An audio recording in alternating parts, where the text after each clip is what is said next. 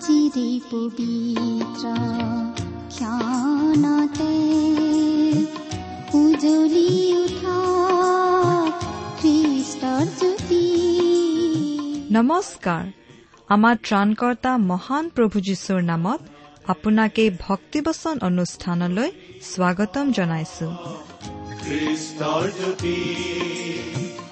আকাশ বতাহ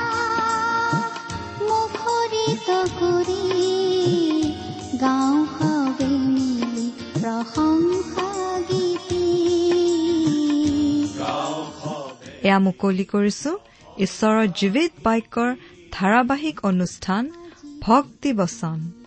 আপোনাৰ জীৱনত যদি শান্তি পাব বিচাৰে তেন্তে এয়া ঈশ্বৰৰ বাক্যৰ সান্তনা বাক্য ভক্তি বচন। গতিকে আহক আজিৰ শিক্ষা শুনো।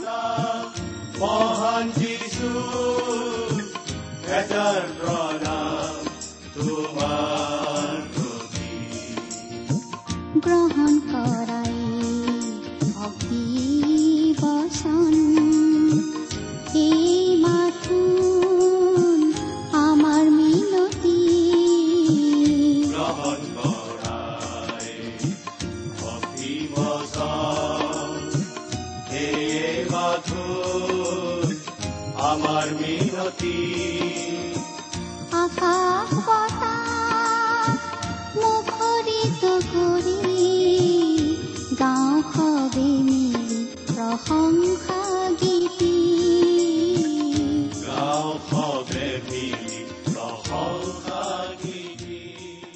আমাৰ মহান ত্ৰাণকৰ্তা প্ৰভু যীশুখ্ৰীষ্টৰ নামত নমস্কাৰ প্ৰিয় শ্ৰোতা।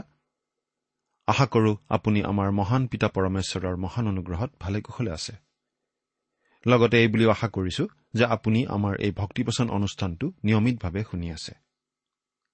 আমাৰ বহুতো শ্ৰোতাই আমালৈ চিঠি পত্ৰ লিখি থাকে।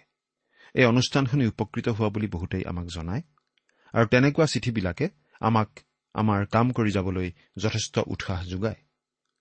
আপুনি বাৰু কেতিয়াবা আমালৈ চিঠি পত্ৰ লিখিছেনে? অনুগ্ৰহ কৰি আজি এই দুখাৰিমান লিখি পঠিয়াবচোন। এই অনুষ্ঠানযোগে প্ৰচাৰ কৰা কোনো কথা অধিককৈ বুজিবলগীয়া থাকিলেও আমালৈ লিখিব পাৰে। আমাৰ ঠিকনা ভক্তিবচন টি ডব্লিউ আৰ ইণ্ডিয়া ডাক বাকচ নম্বৰ সাত শূন্য গুৱাহাটী সাত আঠ এক শূন্য শূন্য এক। ভক্তিবচন T W R India post box number seventy Guwahati seven eight one zero' zero' one আমাৰ website W W W dot radio' eight eight two dot com প্ৰিয় শ্ৰোতা আপুনি বাৰু আমাৰ এই অনুষ্ঠানটো নিয়মিতভাৱে শুনি আছেনে? যোৱা অনুষ্ঠানত আমি বাৰু কি আলোচনা কৰিছিলো আপোনাৰ মনত আছেনে? আমি এতিয়া বাইবেলৰ পুৰণি নিয়ম খণ্ডৰ নহুম ভাৱবাদীৰ পুস্তক নামৰ পুস্তকখন অধ্যয়ন কৰি আছো নহয়নে বাৰু? যোৱা অনুষ্ঠানত এই নহুম পুস্তকখনৰ এক নম্বৰ অধ্যায়ৰ দুই নম্বৰ আৰু তিনি নম্বৰ পদ দুটা পঢ়ি তাৰ ভিত্তিতেই আমি আমাৰ আলোচনা আগবঢ়াইছিলো। নহয়নে বাৰু? আজিৰ অনুষ্ঠানত আমি এই নহুম পুস্তকখনৰ এক নম্বৰ অধ্যায়ৰ চাৰি নম্বৰ পদৰ পৰা আমাৰ আলোচনা আগবঢ়াই নিব খুজিছো। এই পুস্তকখন হৈছে এখন ভাৱবাণীমূলক পুস্তক। নিনবী নগৰৰ ওপৰলৈ ঈশ্বৰৰ সুধবিচাৰ নামি আহিব ধৰা সম্বন্ধে নহুম ভাৱবাদীয়ে ইয়াত কিছুমান ভাৱবাণী ঘোষণা কৰিছিল। সেইবোৰ আখৰে আখৰে ফলিয়াইছিল তথাপি আজিও ইয়াৰ যোগেদি আমি শিকিবলগীয়া অনেক কথা আছে। আহকচোন বাইবেল অধ্যয়নলৈ আগবঢ়াৰ আগতে আমি খন্তেক প্ৰাৰ্থনাত মূৰ দুৱাওঁ। আমি প্ৰাৰ্থনা কৰো আমাৰ স্বৰ্গত থকা মৰমীয়াল পিতৃ ঈশ্বৰ তোমাক ধন্যবাদ জনাইছো।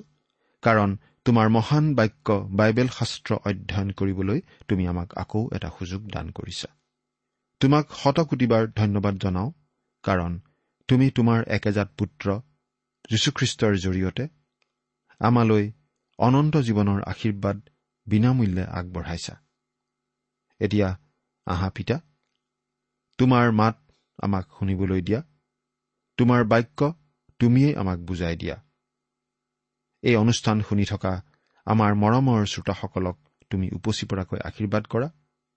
তেওঁলোকৰ সকলোবিলাক প্ৰয়োজনৰ কথা তুমিহে ভালদৰে জানা আৰু জাগতিক আত্মিক সেই সকলো প্ৰয়োজন তুমিয়েই পূৰণ কৰা। কিয়নো এই প্ৰাৰ্থনা আমাৰ মহান ত্ৰাণকৰ্তা মৃত্যুঞ্জয় প্ৰভু যীশুখ্ৰীষ্টৰ নামত আগবঢ়াইছো। আমেন। প্ৰিয় শ্ৰোতা আমি ইতিমধ্যে আলোচনা কৰিলো যে ঈশ্বৰেই সৃষ্টিকৰ্তা। গোটেই প্ৰকৃতি আৰু বিশ্ব ব্ৰহ্মাণ্ডৰ তেওঁৱেই নিয়ন্ত্ৰণকৰ্তা তেওঁৱেই মুক্তিদাতা আৰু তেওঁৱেই বিচাৰকৰ্তাও।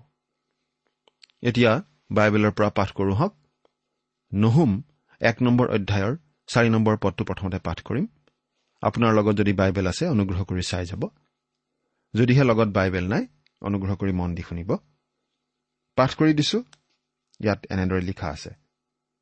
তেওঁ সমুদ্ৰক ধমকি দি শুকুৱাই আৰু আটাই নদ নদী শুকান কৰে। বাছান আৰু কৰ্মিল লেৰেলা পৰে আৰু লিবানুনৰ ফুল জয় পৰে। ঈশ্বৰে যে এই কাম কৰিব পাৰে সেইটো তেওঁ ইতিমধ্যেই দেখুৱাই থৈছে। তেওঁ লোহিত সাগৰ আৰু জৰ্দন নদী শুকুৱাই পেলাইছিল। বাছান কৰ্মিল আৰু লিবানুন সেই দেশৰ তিনিটা অতি সাৰুৱা অঞ্চল। কৰ্মিল আচলতে অষ্ট্ৰেলন উপত্যকা আৰু তাৰ মুখ্য নগৰ আছিল মেগিডো। এইটো আচলতে পৃথিৱীৰ অতি সাৰুৱা ঠাইৰ ভিতৰত পৰে। যেতিয়া আমি সেই ঠাইৰ পৰা আৰু উত্তৰলৈ লিবানুনৰ উপকূলেৰে বেইৰুটৰ পৰা একেবাৰে প্ৰাচীন তুৰ নগৰৰ ভগ্নাৱশেষৰ পিনে চাওঁ আমি অতি সুন্দৰ অঞ্চল দেখা পাওঁ। বছৰৰ বসন্তকালত ফল ফলি থকা গছ গছনি আৰু সুদূৰত বৰফে ঢকা পাহাৰ। বিভিন্ন ধৰণৰ ফল মূল উৎপন্ন হোৱা এই অঞ্চলটো সঁচাকৈ অতি সাৰুৱা। নহুম ভাৱবাদীয়ে কৈছে যে এটা খৰাং বতৰ আহিব। ঊনৈছশ ত্ৰিশ চনত অহা ধূলিৰ ধুমুহা কেইটামানৰ কথা আপোনালোকৰ কিছুমানে হয়তো শুনিছে। আমি ভাবো সেইবোৰ ঈশ্বৰৰ পৰা অহা সুধবিচাৰৰ দণ্ড যেন আছিল। সেই সময়ত যদি কোনো ধৰণৰ পুনৰ জাগৰণ ঘটিলেহেঁতেন তেনেহলে নিশ্চয় দ্বিতীয় মহাসমৰ নহলহেঁতেন। আৰু তাৰ পাছৰ পৰা যিবোৰ ঘটিছে সেইবোৰৰ সৈতে মানৱ জাতি জড়িত হ'ব লগা নিশ্চয় নহলহেঁতেন। কিন্তু ঈশ্বৰৰ পৰা অহা সেই সুধবিচাৰে দেশখনলৈ সেই সময়ত কোনো বাৰ্তা আনি নিদিলে আৰু যদিও কিবা বাৰ্তা আছিল মানুহে তালৈ কাণসাৰ নকৰিলে। পাঁচ নম্বৰ পদ। তেওঁৰ ভয়ত পৰ্বতবোৰ কপে আৰু গিৰিবোৰ পমি যায়। তেওঁৰ আগত পৃথিৱী এনেকি জগতখন আৰু তাৰ আটাই নিবাসী ডাং খায়। ঈশ্বৰেই সৃষ্টিকৰ্তা আৰু তেওঁৱেই এই বিশ্ব ব্ৰহ্মাণ্ডৰ সংৰক্ষণকৰ্তাও। তেওঁৱেই এইখন ধৰি ৰাখিছে। তেওঁৰ ভয়ত পৰ্বতবোৰ কপে আৰু গিৰিবোৰ পমি যায়। ইয়াত আচলতে ভূমিকম্প আৰু আগ্নেয়গিৰিৰ উদগিৰণৰ কথাটো বুজোৱা হৈছে। আচলতে এনে যিকোনো ঘটনাৰ মূলতে তেওঁৱেই বুলি আমি ধৰিব পাৰো বানপানী ভূমিকম্প ইত্যাদি। কিন্তু এইবোৰ ঘটনাৰ সময়ত যিমানবোৰ মানুহৰ মৃত্যু হয় তাৰ বাবে ঈশ্বৰক জগৰীয়া নকৰিব। কাৰণ মানুহক ঈশ্বৰে বিশেষ চিন্তা বুদ্ধি দিছে। আৰু চিন্তা বুদ্ধিয়ে কয় যে মানুহে নদীৰ ওপৰত বা একেবাৰে ওচৰত বানপানীৰ বিপদ থকা ঠাইত ঘৰ বান্ধিব নালাগে। আজি বহুতো এনেকুৱা ঠাইৰ মানুহে ঈশ্বৰলৈ কাণ পতা উচিত। আমাৰ ঠাইলৈ ভূমিকম্প আহিব ধৰিছে বুলি আমি শুনি থাকো। হয়তো আমি সেই সাৱধানবাণীলৈ কাণ পতা উচিত। যদিহে কাণ নিদি আমি বিপদজনক অৱস্থাতেই বাস কৰি থাকো তেতিয়া সঁচাকৈয়ে ভূমিকম্প আহি কোনো আত্মীয় স্বজনৰ মৃত্যু ঘটিলে আমি নিশ্চয় ঈশ্বৰক দোষ দিব নোৱাৰো। কাৰণ তাৰ বাবে ঈশ্বৰ দোষী নহয় দোষী আমিহে। আমি সকলো জানোৱেই আমি হয়তো আন ঠাইলৈ যোৱাটো নিৰাপদ কিন্তু আমি বেছিভাগ লোকেই নিজৰ ঠাইখন ভাল পাওঁ। গতিকে আমি নিজৰ ঠাইতেই থাকি যাওঁ আৰু যি হয় দেখা যাব বুলি তাতেই বাস কৰি থাকো। ঈশ্বৰে এই প্ৰকৃতি নিয়ন্ত্ৰণ কৰে। কিন্তু তেনেকুৱা বিপৰ্যয় ঘটিলে আমি ঈশ্বৰক দোষ দিব নোৱাৰো। সেইবোৰৰ বাবে মানুহহে দোষী মানুহে নদীৰ বেছি ওচৰত নাইবা ভূমিকম্পৰ প্ৰবল সম্ভাৱনা থকা ঠাইত নথকাটোৱেই বেছি নিৰাপদ। এতিয়া ছয় নম্বৰ পদটো পঢ়ি দিম। তেওঁৰ ক্ৰোধৰ আগত কোনে থিয় হ'ব পাৰে? তেওঁৰ প্ৰচণ্ড কোপত কোনে তিষ্ঠিব পাৰে? তেওঁৰ ক্ৰোধ অগ্নিবৰ্ষণৰ নিচিনা হয় আৰু তেওঁৰ দ্বাৰাই শিলবোৰ দুখৰ দুখৰকৈ ভঙা হয়। মানুহে এই কথা শিকিছে যে আমি প্ৰকৃতিৰ বিৰুদ্ধে থিয় দিব নোৱাৰো। এজন বিখ্যাত লিখকে তিনিখন বিখ্যাত গ্ৰন্থ লিখিছিল। তেওঁ লেছ মিজাৰেবলছ নামৰ গ্ৰন্থত দেখুৱাইছে যে সমাজেই মানুহৰ শত্ৰু। দ্য হান্সবেক অফ নটৰডেম পুস্তকত তেওঁ লিখিছিল ধৰ্মকেই মানুহৰ শত্ৰু বুলি। আৰু তাৰ পাছত the Toilers of the Sea নামৰ গ্ৰন্থ লিখি তেওঁ দেখুৱাইছে যে প্ৰকৃতিয়েই মানুহৰ শত্ৰু। আচলতে এই তিনিওটা ক্ষেত্ৰত মানুহ কেনেদৰে আগবাঢ়ে সেইটোহে গুৰুত্বপূৰ্ণ কথা। ধৰ্ম মানুহৰ বাবে প্ৰায়েই শত্ৰুৰ নিচিনা হৈ আহিছে। এই সমাজখনো মানুহৰ শত্ৰুৰ নিচিনা হয়। আজিৰ এই সভ্যতা অনুগ্ৰহৰ পক্ষত নাই সেই কথা নিশ্চয় নিশ্চিত। প্ৰকৃতিও মানুহৰ শত্ৰুস্বৰূপ হ'ব পাৰে। কিন্তু মানুহৰ বন্ধুও হ'ব পাৰে। কিন্তু আমি যদি প্ৰকৃতিৰ বিৰুদ্ধে যুদ্ধ কৰিব খোজো তেতিয়াহ'লে কিন্তু কেতিয়াও আমি জয়যুক্ত হ'ব নোৱাৰো। আচলতে সেই পণ্ডিতজনে তেওঁৰ গ্ৰন্থকেইখনৰ যোগেদি এই কথাকেই প্ৰতিপন্ন কৰিব খুজিছিল। তেওঁৰ ক্ৰোধৰ আগত কোনে থিয় হ'ব পাৰে? তেওঁৰ প্ৰচণ্ড কোপত কোনে তিষ্ঠিব পাৰে? এই প্ৰশ্নটো কৰা হৈছিল সৰ্বশক্তিমান ঈশ্বৰৰ কৰুণা প্ৰত্যাখ্যান কৰা নিনবীবাসীৰ প্ৰতি। এই প্ৰশ্নৰ উত্তৰ আপোনাৰ হাতত আছেনে বাৰু? যদিহে আপুনি পৰিত্ৰাণ পোৱা লোক নহয় তেনেহলে আপোনাক আমি এই প্ৰশ্নটোকেই কৰিব বিচাৰো। হয়তো আপুনি নিজৰ ধাৰ্মিকতা আৰু সততাৰ ওপৰত ভৰসা কৰি আছে। পাপ সম্পূৰ্ণৰূপে ঘীন কৰা আৰু সেই পাপৰ সুধবিচাৰ কৰিবলৈ সাজু পবিত্ৰ ঈশ্বৰৰ সন্মুখত আপুনি থিয় দিব পাৰিব বুলি সঁচাকৈয়ে ভাবেনে? সেই পবিত্ৰ ঈশ্বৰৰ পবিত্ৰ উপস্থিতিত আপুনি নিজৰ ওপৰত ভৰসা কৰি থিয় দিবলৈ সক্ষম হ'বনে? চিন্তা কৰি চাওকচোন। এজন বিখ্যাত লেখকে এটা গল্প লিখিছিল আৰু তাত নৰকৰ পৰা স্বৰ্গলৈ চলা বাছ যাত্ৰা এটাৰ কথা লিখিছে। কাল্পনিক কথা অৱশ্যে এই বাছ যাত্ৰাৰে নৰকৰ পৰা মানুহবোৰ স্বৰ্গলৈ যাব পাৰে। বাছখন মানুহেৰে ভৰা।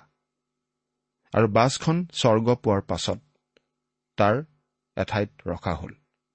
বাছখনৰ ড্ৰাইভাৰে বাছত থকা সকলো লোককে ক'লে আবেলি চাৰিটা বজাত বাছখন আকৌ ঘৰলৈ উভতি যাব। ঘৰ মানে অৱশ্যে নৰক। আৰু সেই চাৰিটা বজাত বাছখন কিন্তু আকৌ মানুহেৰে একেবাৰে ভৰি পৰিল। প্ৰত্যেকজন লোক আকৌ বাছখনলৈ উভতি আহিল। বাছৰ ড্ৰাইভাৰজনে কৈছিল আপোনালোকে ইচ্ছা কৰিলে ইয়াতে থাকিও যাব পাৰে। কিন্তু মানুহবোৰ থাকি নগ'ল। কিয় বাৰু? কাৰণ মানুহবিলাকে বিচাৰি পালে যে স্বৰ্গত তেওঁলোকৰ বাবে কতো ঠাই নাই। অতীতৰ বিখ্যাত সাধু এজনে এই বুলি কৈছিল মই পাপেৰে সৈতে স্বৰ্গলৈ যোৱাতকৈ পাপহীনভাৱে নৰকলৈ যাবলৈকেই ভাল পাম। কিমান ডাঙৰ কথা। প্ৰিয় শ্ৰোতা পাপী লোকে স্বৰ্গত কেতিয়াও ঠাই বিচাৰি নাপায়। পাপী লোকৰ বাবে স্বৰ্গত কোনো ঠাই নাই। আমি নিজৰ ধাৰ্মিকতাৰে নিজৰ চেষ্টাৰে নিজৰ প্ৰচেষ্টাৰে স্বৰ্গত কেতিয়াও ঠাই বিচাৰি নাপাওঁ। তেওঁৰ ক্ৰোধৰ আগত কোনে থিয় দিব পাৰে? যদিহে আপোনাৰ কোনো পৰিত্ৰাতা নাই তেনেহলে আপুনি পাপী ৰূপে পবিত্ৰ ঈশ্বৰৰ আগত কেনেকৈ থিয় হ'ব পাৰে? আপুনি থিয় হ'ব পাৰিব বুলি ভাবি আছে নেকি? প্ৰিয় শ্ৰোতা সেই সম্ভাৱনা একেবাৰে নাই। পৰিত্ৰাতা অবিহনে তাত আপুনি কোনোমতেই থিয় দিব নোৱাৰে। ঈশ্বৰে প্ৰিয়জনা অৰ্থাৎ খ্ৰীষ্টত আমাক গ্ৰহণ কৰা আৰু আমি খ্ৰীষ্টত থকা মানে আমি ঈশ্বৰৰ উপস্থিতিত থিয় দিব পৰা হোৱাকেই বুজায়। আমি খ্ৰীষ্টত আশ্ৰয় লোৱাৰ পাছত সেই খ্ৰীষ্টত থাকিহে আমি ঈশ্বৰৰ সন্মুখত থিয় দিব পৰা হওঁ। আমাৰ নিজৰ ধাৰ্মিকতাৰ বাবে নহয় একমাত্ৰ খ্ৰীষ্টৰ ধাৰ্মিকতাৰ বাবেহে। আমাৰ নিজৰ পবিত্ৰতাৰ বাবে নহয় একমাত্ৰ খ্ৰীষ্টৰ পবিত্ৰতাত আমি আশ্ৰয় লোৱাৰ বাবেহে আমি থিয় দিব পৰা হওঁ। নহুমে ইয়াত এটা অতি গুৰুত্বপূৰ্ণ নীতি আগবঢ়াইছে। ঈশ্বৰে পাপৰ বিচাৰ কৰি শাস্তি বিহিবই লাগিব। যদিহে ঈশ্বৰে পাপৰ দণ্ড নিদিয়ে তেনেহলে ঈশ্বৰত কিবা দুখ থকাহে বুজাব। নহুমে ঈশ্বৰৰ ক্ষমতা আৰু ক্ৰোধৰ কথা কৈ আচলতে জিহুদাৰ লোকসকলক সৰ্বশক্তিমান ঈশ্বৰৰ পৰা পোৱা সুৰক্ষাৰ আশ্বাস দিছিল কাৰণ ওচৰীয়াবিলাকে তেওঁলোকক আক্ৰমণ কৰিবলৈ উদ্যত হৈ আছিল। সাত নম্বৰ পদটো পঢ়ি দিম। জিহুৱা মংগলময়। সংকটৰ দিনা তেওঁ দৃঢ় কোঠস্বৰূপ। তেওঁ তেওঁত আশ্ৰয় লোৱাবিলাকক জানে। জিহুৱা মংগলময়। আমি এই কথাটো মনত ৰখা উচিত। গীত ৰচকে কি কৈছিল সেই কথা আমি মনত পেলোৱা উচিত। পাঠ কৰি দিছো। গীতমালা এশ সাত নম্বৰ গীতৰ এক আৰু দুই নম্বৰ পদ দুটা। জিহুৱাৰ ধন্যবাদ কৰা কিয়নো তেওঁ মংগলময় কাৰণ তেওঁৰ দয়া চিৰকাললৈকে থাকে। এই বুলি জিহুৱাৰ দ্বাৰাই মুক্ত হোৱা সকলোৱে কওক। মুক্তি লাভ কৰা লোকে যদি এই বুলি নকয় তেনেহলে আন কোনেও আৰু নকয়। গতিকে এই অযোগ্য দাসে হলে এই বুলি কম জিহুৱা মংগলময়। ঈশ্বৰ মংগলময় প্ৰিয় শ্ৰোতা। এইটো জানিবলৈ পাই আমাৰ নিশ্চয় ভাল লগা উচিত। আপুনি কোন আপুনি ক'ত থাকে বা আপুনি কেনেকুৱা সেইটো আমি ক'ব নোৱাৰো। কিন্তু আমি এটা কথা হ'লে নিশ্চিতভাৱে জানো যে ঈশ্বৰে আপোনাক ভাল পায়। আৰু ঈশ্বৰে আপোনাক উদ্ধাৰ কৰিব বিচাৰে আৰু উদ্ধাৰ কৰিব পাৰে। যদিহে আপুনি পৰিত্ৰাণ লাভ কৰা লোক নহয় তেনেহলে নিশ্চয় আপুনি ঈশ্বৰৰ ওচৰলৈ অহা নাই। কাৰণ তেওঁ আপোনাক উদ্ধাৰ কৰিব পাৰে আৰু তেওঁৰ ওচৰলৈ আপুনি আহিলে তেওঁ আপোনাক উদ্ধাৰ কৰিবই। জিহুৱা মংগলময়। এইটো শাস্ত্ৰৰ এটা স্বতঃসিদ্ধ কথা আৰু জীৱনৰো এটা স্বতঃসিদ্ধ কথা। জিহুৱা মংগলময়। সংকটৰ দিনা তেওঁ দৃঢ় কোঠস্বৰূপ প্ৰিয় শ্ৰোতা আপুনি বাৰু কিবা সংকটত পৰি আছে নেকি? আপুনি কিবা বিপদত পৰি আছে নেকি? আপুনি বাৰু এটা উত্তম আশ্ৰয় নিশ্চিত আশ্ৰয় বিচাৰেনে? আপুনি এটা নিৰাপদ আশ্ৰয় বিচাৰেনে? ঈশ্বৰেই আপোনাৰ বাবে প্ৰয়োজনীয় সেই কোঠ সেই দুৰ্গ বা সেই আশ্ৰয়। তেওঁ তেওঁত আশ্ৰয় লোৱাবিলাকক জানে। কি সুন্দৰ কথা। প্ৰিয় শ্ৰোতা মই এই কথা ভাবি ভাল পাওঁ যে ইফাল সিফাল কৰাৰ মাজত মই হেৰাই নাযাওঁ। মই জন অৰণ্যত হেৰাই নাযাওঁ। যেতিয়া মই কোনো এখন মহানগৰলৈ যাওঁ তেতিয়া মোৰ এনেকুৱা লাগে যেন পৃথিৱীৰ সকলোবিলাক ঠাইৰ মানুহবোৰ আহি তাতহে একেলগে গোট খাইছেহি। বাকী সকলোবিলাক ঠাই যেন খালী হৈ গৈছে। তাৰ পাছত আন এখন মহানগৰলৈ গ'লে এনেকুৱা লাগে যেন মানুহবোৰ মোৰ লগে লগে সেইখন মহানগৰলৈ গুচি গ'ল। মুঠতে সকলো পিনে জন অৰণ্য আমি যি মহানগৰলৈকে নাযাওঁ কিয়? যি মহাপ্ৰদেশলৈকেই নাযাওঁ কিয়? সকলো পিনে কেৱল মানুহেই মানুহ আমি দেখা পাওঁ। ইমানবোৰ মানুহ দেখি আমাৰ বাৰু মনত কেনেকুৱা লাগে? আমাৰ বাৰু এনেকুৱা নালাগেনে? ঈশ্বৰে মোৰ নামটো বাৰু মনত ৰাখিছেনে? মই যে খ্ৰীষ্টতেই মোৰ বিশ্বাস স্থাপন কৰিছো সেইটো বাৰু তেওঁ মনত ৰাখিছেনে? কিন্তু এই কথা জানি আমি আনন্দিত হোৱা উচিত যে শাস্ত্ৰত এই বুলি কৈছে তেওঁ তেওঁত আশ্ৰয় লোৱাবিলাকক জানে। প্ৰিয় শ্ৰোতা আপোনাৰ নাম মনত ৰাখি থবৰ কাৰণে তেওঁ কোনো কম্পিউটাৰৰ প্ৰয়োজন নাই। আচলতে তেওঁৰ হৃদয়ত আপোনাৰ নাম লিখা আছে যদিহে আপুনি তেওঁত আশ্ৰয় লৈছে। তেওঁৰ হাতৰ তলুৱাত আপোনাৰ নাম লিখা আছে যদিহে তেওঁ আপোনাৰ বাবে আগবঢ়োৱা সেই পৰিত্ৰাণ গ্ৰহণ কৰিছে। তেওঁ আপোনাক জানে। তেওঁত বিশ্বাস কৰা প্ৰতিজনকেই তেওঁ জানে। এতিয়া আঠ নম্বৰ পদটো চাওঁ হওক কিন্তু প্লাৱন কৰোতা ঢল পানীৰ দ্বাৰাই তেওঁ সেই নগৰৰ ঠাই সম্পূৰ্ণকৈ অন্ত কৰিব আৰু নিজৰ শত্ৰুবোৰক আন্ধাৰলৈ খেদিব। ঈশ্বৰে সেই অচুৰীয়াবিলাকক পৰাস্ত কৰি ধ্বংস কৰিব। প্লাৱন কৰোতা ঢল পানী মানে আমি নদীৰ দুয়োপাৰে পানী বাগৰি গৈ প্ৰচণ্ড বানপানী আনি প্ৰচণ্ড ধ্বংসকাৰ্য চলোৱা ছবি এখন দেখা পাওঁ। ইয়াত ঢল পানী মানে নিনবী নগৰ ধ্বংস কৰি পেলোৱা সেই বাবিলনীয় সৈন্যবাহিনীক বুজোৱা হৈছে বুলি বিশ্বাস কৰা হয়। ইতিহাসবিদসকলে কয় যে টাইগ্ৰিছ নদী হঠাতে ফেনে ফুটুকাৰে উপচি আহি নিনবী নগৰখনৰ বানপানী বাধা দিয়া গেটবোৰ আৰু ৰাজপ্ৰাসাদৰ ভেটিবোৰ উটুৱাই নিয়াৰ পাছতহে বাবিলনীয় সৈন্যবাহিনী আহি নগৰখন ধ্বংস কৰিব পাৰিছিল। নিজৰ শত্ৰুবোৰক আন্ধাৰলৈ খেদিব। এই কথাষাৰে আমাৰ মনলৈ আনে। মানুহে পাবলগীয়া অনন্ত শাস্তিৰ সেই ঠাইখনৰ কথা। হেৰাই থকা লোকসকলৰ শেষ গতি অন্ধকাৰতেই হ'ব বুলি শাস্ত্ৰত বেছিকৈ উল্লেখ কৰা হৈছে। জুইৰ কথাটো অৱশ্যে ইমান বেছিকৈ উল্লেখ কৰা হোৱা নাই। আৰু ইয়াতো অন্ধকাৰৰ কথাই উল্লেখ কৰা হৈছে। নিজৰ শত্ৰুবোৰক আন্ধাৰলৈ খেদিব। প্ৰভু যীশুৱে এই বুলি কৈছিল পাঠ কৰি দিছো মঠিয়া লিখা শুভবাৰ্তা আঠ নম্বৰ অধ্যায়ৰ বাৰ নম্বৰ পদ। কিন্তু ৰাজ্যৰ সন্তানবিলাকক বাহিৰৰ আন্ধাৰত পেলোৱা হ'ব তাতে ক্ৰদন আৰু দাঁত কৰচনি হ'ব।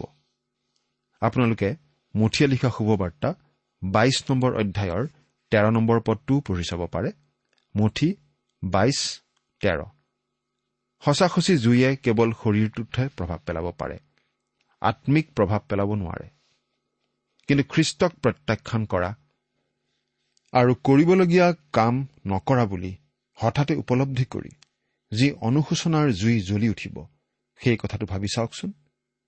অনন্তকালৰ বাবে হেৰাই যাবলগীয়া হোৱা অৱস্থাৰ যি অন্ধকাৰ সেই কথাটো ভাবি চাওকচোন। আপুনি কলৈ গৈ আছে সেইটো একেবাৰে দেখা নোপোৱাৰ অন্ধকাৰৰ কথাটোকেই ভাবি চাওকচোন? সেয়েহে আমি ভাবোঁ যে জুইতকৈ অন্ধকাৰেহে নৰকৰ ভয়াৱহতাৰ কথাটো বেছি ভালকৈ চিত্ৰিত কৰে। হয়তো আপোনাৰ বাবে এইটো এটা নতুন ধৰণৰ চিন্তা হ'ব পাৰে। কিন্তু ঈশ্বৰৰ বাক্যৰ আধাৰত এই কথাটো ধ্যান কৰি চাবলৈ আমি আপোনাক অনুৰোধ জনাব খোজো। প্ৰিয় শ্ৰোতা আপুনি বাৰু আপোনাৰ অৱস্থাটো বুজি পাইছেনে? আপুনি কলৈ গৈ আছে আপুনি জানেনে? আপুনি খ্ৰীষ্টই আগবঢ়োৱা অনন্তকলীয়া সেই নিৰাপদ আশ্ৰয়ত আশ্ৰয় পাইছেনে? চিন্তা কৰি চাওকচোন। ঈশ্বৰে আপোনাক আশীৰ্বাদ কৰক। আমেন।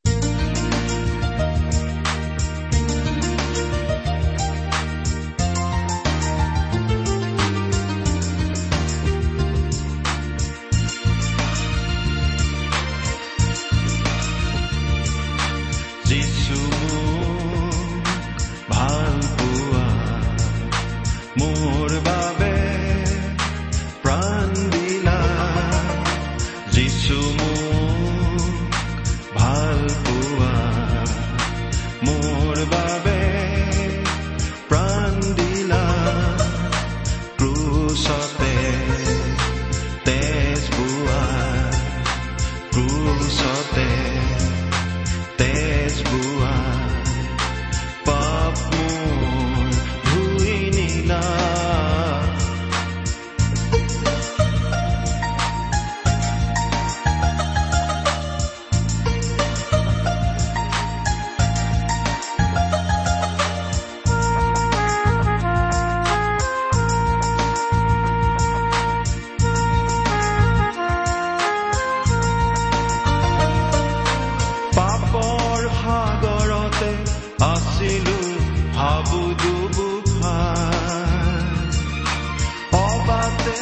গৈছিলো পথ মোৰ বিচাৰি নাপায় পাপৰ সাগৰতে আছিলো হাবু দুবুখাই অবাতে গৈছিলো পথ মোৰ বিচাৰি নাপায়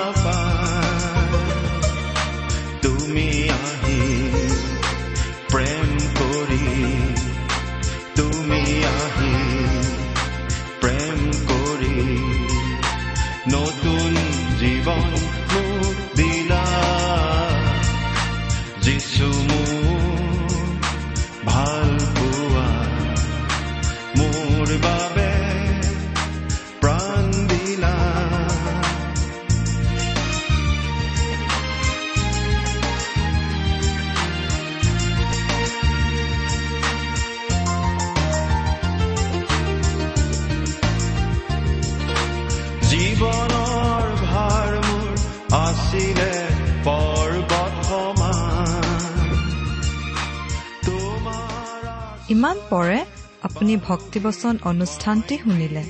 এই বিষয়ে আপোনাৰ মতামত জানিবলৈ পালে আমি নথৈ আনন্দিত হ'ম। আমি প্ৰস্তুত কৰা বাইবেল অধ্যয়নৰ আন চিডিসমূহ পাব বিচাৰিলেও আমালৈ লিখক। অনুষ্ঠানটি শুনি কেনে পালে আমালৈ চিঠি লিখি জনাবচোন। অনুষ্ঠানত প্ৰচাৰ কৰা কোনো কথা বুজিব লগা থাকিলেও আমালৈ লিখক। আমাৰ ঠিকনা? ভক্তিবচন ট্ৰান্স ৱৰ্ল্ড ৰেডিঅ' ইণ্ডিয়া ডাক বাকচ নম্বৰ সাত শূন্য গুৱাহাটী সাত আঠ এক শূন্য শূন্য এক। ঠিকনাটো আৰু এবাৰ কৈছো ভক্তিবচন ট্ৰান্স ৱৰ্ল্ড ৰেডিঅ' ইণ্ডিয়া ডাক বাকচ নম্বৰ সাত শূন্য গুৱাহাটী সাত আঠ এক শূন্য শূন্য এক। আমাৰ ইমেইল এড্ৰেছটো হৈছে S M is T T B at the rate radio' eight eight two dot com. আমাৰ ৱেবছাইট